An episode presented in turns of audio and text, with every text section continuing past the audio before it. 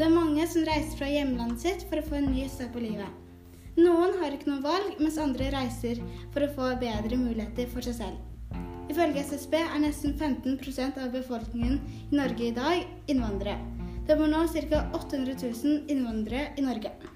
Hei. Mitt navn er Sofie, og jeg sitter her med Henny. Og du hører nå på Reisen til Norge. Ja, i dag skal vi faktisk intervjue en som kom til Norge for mange, mange år siden. Vi skal nemlig intervjue bestemoren min, Dana, som bor på Ellingsrud. Hun reiste hit fra Makedonia, som er der hvor hun ble født og oppvokst. Da hun kom til Norge, var det ikke akkurat så veldig flott i Makedonia. Nei, man kan vel ikke akkurat si det. Det var ganske mye fattigdom eh, i Makedonia på den tiden. Og nå skal vi dra og besøke Dana.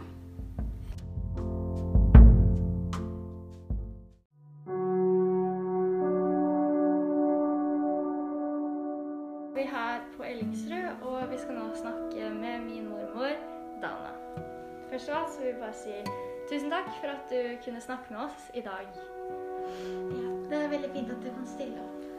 Ja. Det er et prosjekt. Det gjør jeg. Ja. Um, vi kan starte med et spørsmål. Uh, hvorfor bestemte dere dere for å komme hit til Norge?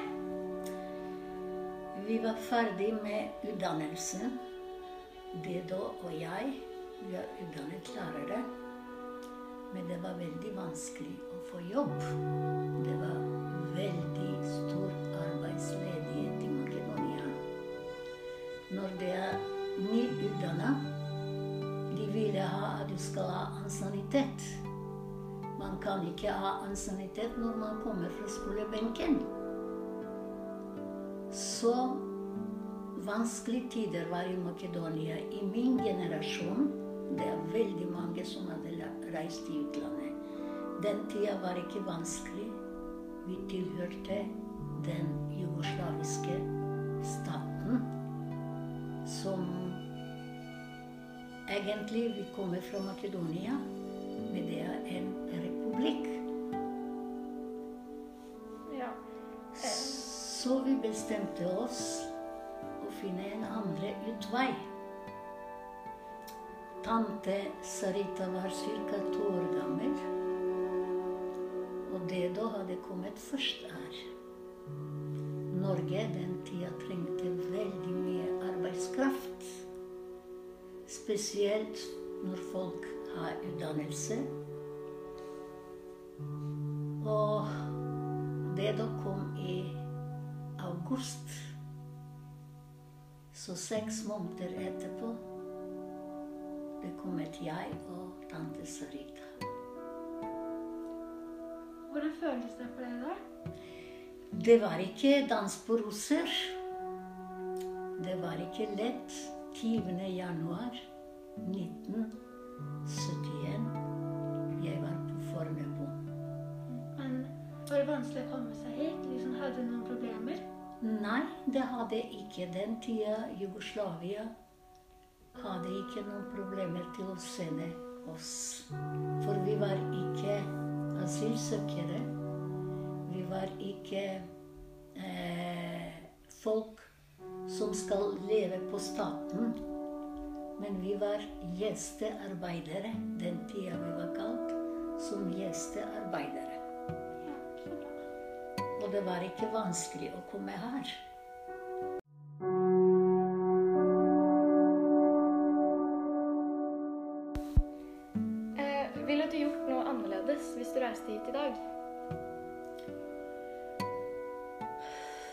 Vi var unge den tiden.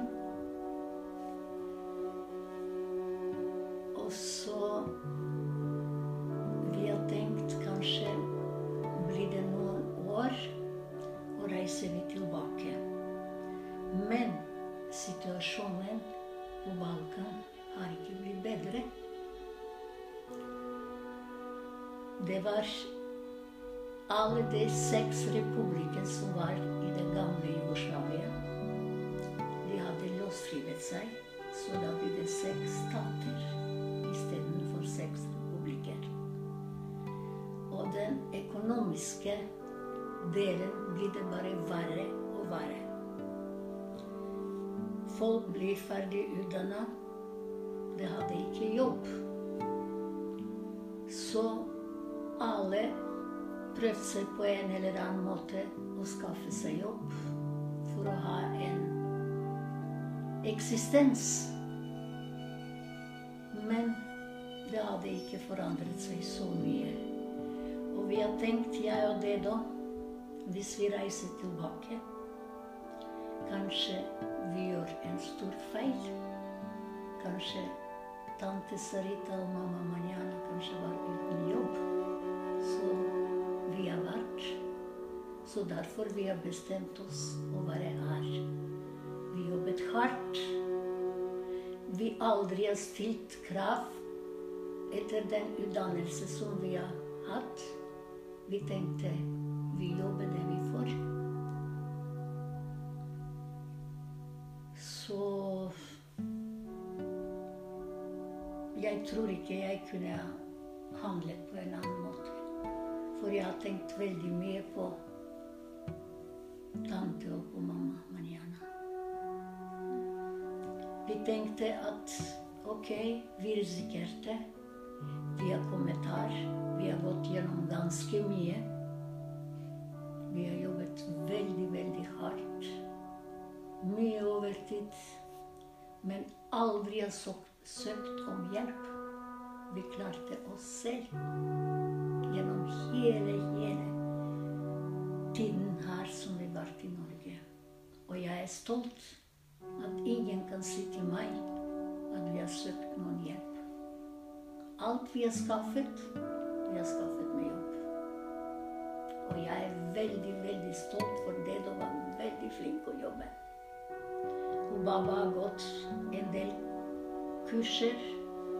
Så har jobbet på forskjellige steder. Det første jobben til Baba var vaske gulv på Ullevål sykehus. Men jeg skamte meg ikke. Jeg, de trengte tak over hodet. Så fem år pappa jobba etterpå på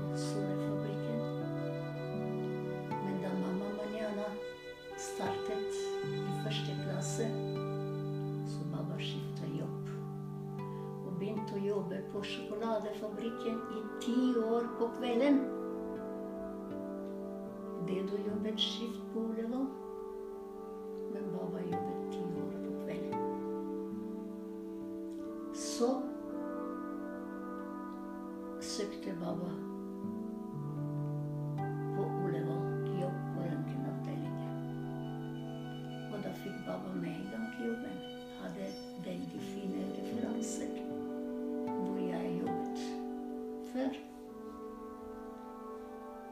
Og så var Baba et år hver man mandag på spesielt kurs om psykologi og eh, mikrobiologi. Så utdannet seg Baba til første laborant. Til hadde Baba sagt jobben Sofie var et år gammel for å passe Baba på Sofie. Og jeg angrer ikke. Jeg tenkte ikke om jeg får mer penger eller mindre. Men jeg har fått Sofie fra hun var liten baby. Og så, etter Sofie, kommet nummer to, Helena. Så Baba passet på Helena til Helena begynte i barnehage. Og vi henta Helena fra barnehage, hentet Sofie fra skolen, også fra AKS. Så vi har fått veldig mye kjærlighet fra våre barnebarn.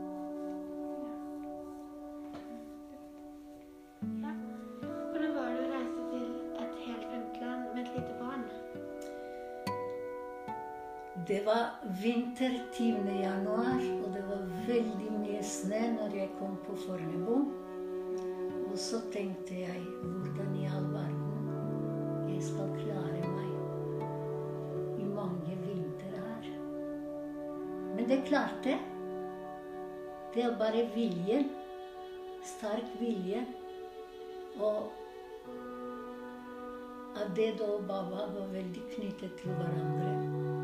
Veldig knyttet til Manjana og, og Sarita. Så vi klarte. Det er bare vilje. Eh, hva gjorde du da du endelig kom deg til Norge? Da endelig kom Baba til Norge, det da jobbet på Frascati hotell. Han jobbet veldig mye skift. Hvis noen ikke ville jobbe, han ta ekstra vakter. Og det da hadde tatt en ekstra jobb, vaskejobb, for å få litt mer penger til å klare oss. Og den vasken, det er Baba har gjort. Fordi i 1972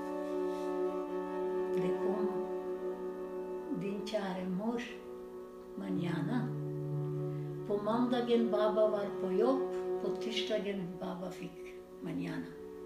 Så jobba til siste dagen. Hadde ikke svangerskapspermisjon. Har ikke fått noen penger eller noen ting. Fordi først måtte Baba søke om oppholdstillatelse gjennom fremmedpolitiet.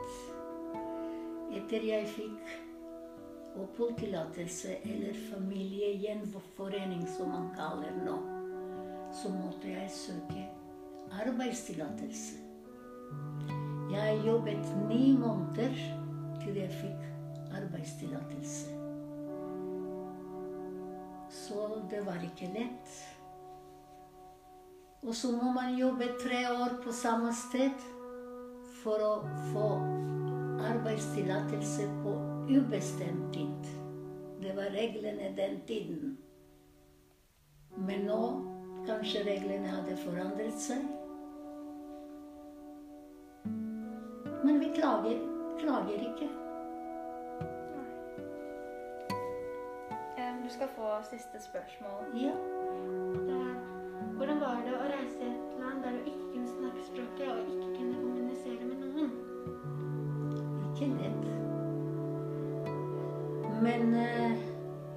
til man sier barn kommuniserer med tegnespråk. Du begynner å gjøre mye feil. Nå, så lenge jeg ikke visste at jeg gjorde feil når jeg snakka, så gjorde det ikke vondt heller. Men når du begynner å kjenne at noen kanskje ler bak ryggen din, for du har ikke sagt riktig. Det gjør det veldig vondt. Men jeg lærte meg én ting, og jeg sa Kan du snakke språket mitt? Nei. Og den for meg er også en fremmed språk. Jeg aldri har vært på kurs for å lære språk. Baba har lært gjennom pratet. For jeg jobber hele tiden. Og når du jobber på den måten, du lærer også språket. Den tida var ikke vi har kommet og vi skal hjelpe dere på den eller på den andre måten. Vi var bare gjestearbeidere. Det var bra at du lærte språket, da. Jeg lærte på den måten. Bare å prate. Og så Det er klart, det er en fremmed språk. Men eh,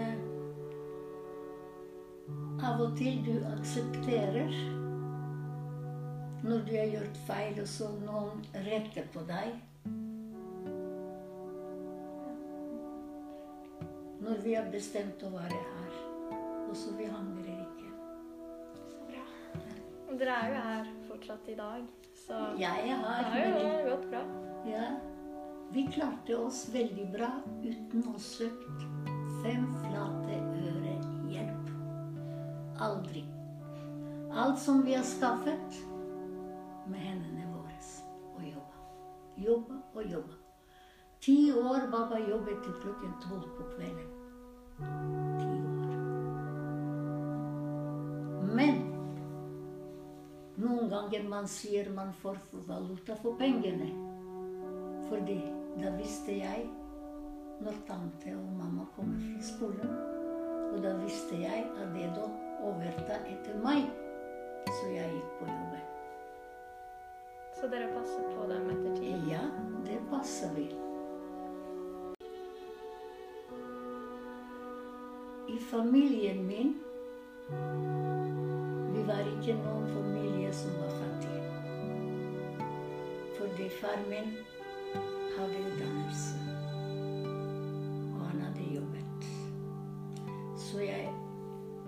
Aldri har hatt problemer for, for penger. Vi hadde veldig stor jordbruk. Men der hvor jeg vokste opp, vi hadde bare barneskole. Det var landsby. Vi hadde ikke ungdomsskole. Så baba måtte reise fra femte klasse syv kilometer en vei, syv kilometer andre vei til skolen i en andre store landsby. Til var ferdig til åttende klasse. Da kom jeg i åttende klasse, så det blir det i den landsbyen hvor jeg bodde, da ble det åpnet ungdomsskole. Så når man var ferdig med ungdomsskole, Baba søkte på videregående eller lærerskole. Så måtte jeg igjen flytte hjemmefra og bor i en andre by til Baba var ferdig utdannet lærer. Så Baba jobba i Makedonia i fem år som lærer. Jobbet i, som lærer i ungdomsskolen, som hadde fag kjemi og biologi. Hadde forskjellige ungdomsskoler forskjellige fag? Eller hadde du Jeg hadde kjemi og biologi, okay. så jeg var klasseforstander for det dokkerste. Han var i femte klasse den tida. Men uh, mitt, min fag var kjemi og biologi. Savner du en år å bo i Makedonia? Savner veldig mye familien. Man sier bladene faller fra trærne, men de faller på, ben, på bakken mot røttene. Røttene mine i Makedonia. Og jeg savner veldig mye, spesielt i dag, når jeg ikke er til stede hvor hele min familie er samlet rundt min, min mor, som jeg har mistet i dag. Men på en andre måte er jeg glad at hun var rundt. Alle var rundt henne. Hun døde ikke alene på en sykehjem eller gamlehjem. Det er det Babadana savner mest for her. Veldig mange dør sykehjem eller gamlehjem. Men våre tradisjoner er vi sender ikke eldre folk på gamlehjem. Vi tar seg så lenge de lever. De har sånn en familietilknytning. Sofia har vært i Makedonia og vet hva betyr å ha familie rundt. Så det er ikke sånn kaldt når de møter deg, men en varme. Du opplever den varmen. Så det savner jeg veldig, veldig mye. Men jeg er glad at jeg var i fjor i Makedonia. Så var jeg sammen med min mor. Men i året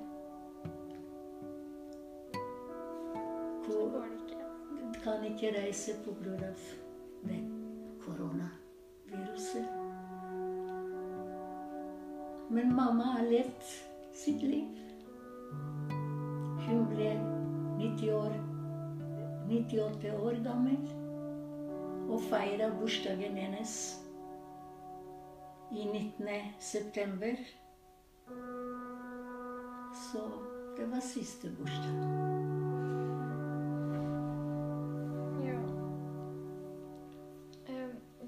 Egentlig bare si tusen takk for at vi fikk lov til å intervjue deg igjen. Og så håper vi du har en fin dag eh, videre. Ja. Tusen takk igjen. Nå er vi ferdige.